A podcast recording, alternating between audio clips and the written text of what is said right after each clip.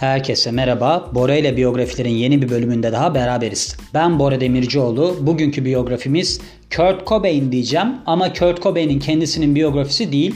Kurt Cobain'in şarkısının biyografisi de denilebilir aslında. Smells Like Teen Spirit parçasının nasıl ortaya çıktığını anlatacağım size. Çünkü çok enteresan bir şekilde ortaya çıkmış. Normalde müzik stüdyolarında ne bileyim tuvaletlerde Türkiye'den Serdar Ortaç'tan filan örneğimiz var biliyorsunuz.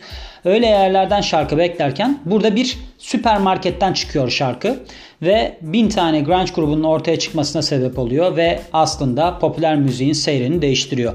1990 Ağustos'unda Olympia Washington'da bir süpermarkette bu parçanın temelleri atılıyor. Nasıl oluyor? Süpermarkete Kurt Cobain, o zamanki kız arkadaşı Toby Vale ve onun Bikini Kill grubundan arkadaşı Kathleen Hanna giriyorlar. Burada ayrılıyorlar. Dolaşırlarken Kathleen Hanna ile Toby Vale ikisi bir Teen Spirit isimde deodorana rastlıyorlar. 2016 yılında Double J'ye Hanna şunları söylüyor olayla ilgili olarak. İkimiz de bu çok komik isimle dalga geçiyorduk. Demek istediğim kim bir deodorana Teen Spirit adını koyar ki? Teen Spirit yani ergen ruhu. Ergen ruhu nasıl kokar ki? Soyunma odası gibi mi? Terle dolu bir kova gibi mi? Bir partide saçına kustuğundaki koku gibi mi? Yani anladığım kadarıyla zaten çok da komik gelmedi bana zaten de hani ne olabilir yani.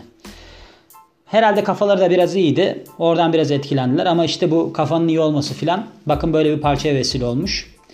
O gece de bayağı bir içtikten sonra Hannah neşeyle Cobain'in dairesinin altın üstüne getirirken bir maket bıçağı buluyor ve duvara şu sihirli kelimelere yazıyor. Kurt smells like teen spirit.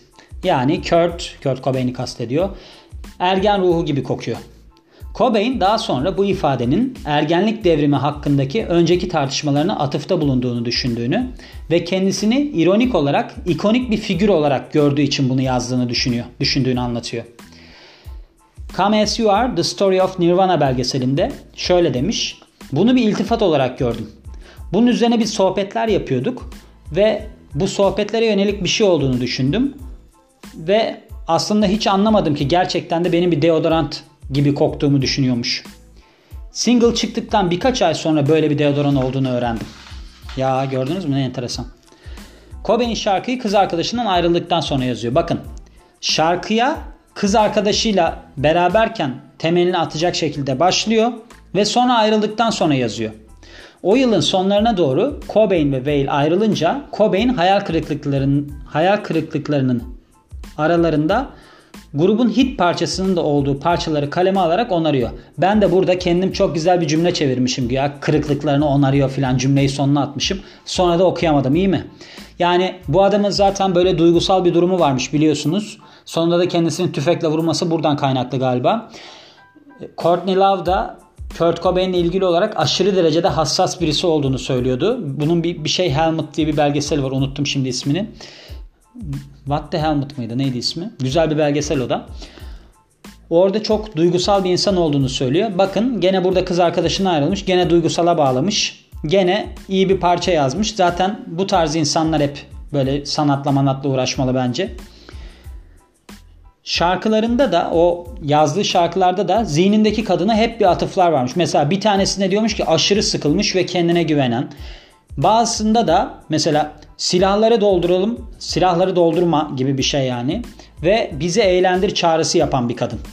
Yani o yüzden hani adamın aslında burada parçada bir kadın var zihninde olan. Muhtemelen eroinin etkisiyle filan da duygular bir, birbirine geçmiş. Ama şarkının çıkışı aslında bir deodorant. Yani böyle bir isimle bir parça ortaya çıkmış ve bir süpermarketten. Bu da enteresan bir konu olduğu için bana çok ilginç geldiği için aktarmak istedim ki şarkıyı ilk getirdiğinde de grup arkadaşlarına çalması için grup arkadaşlarından feedback olarak acayip olumsuz şeyler gelmiş.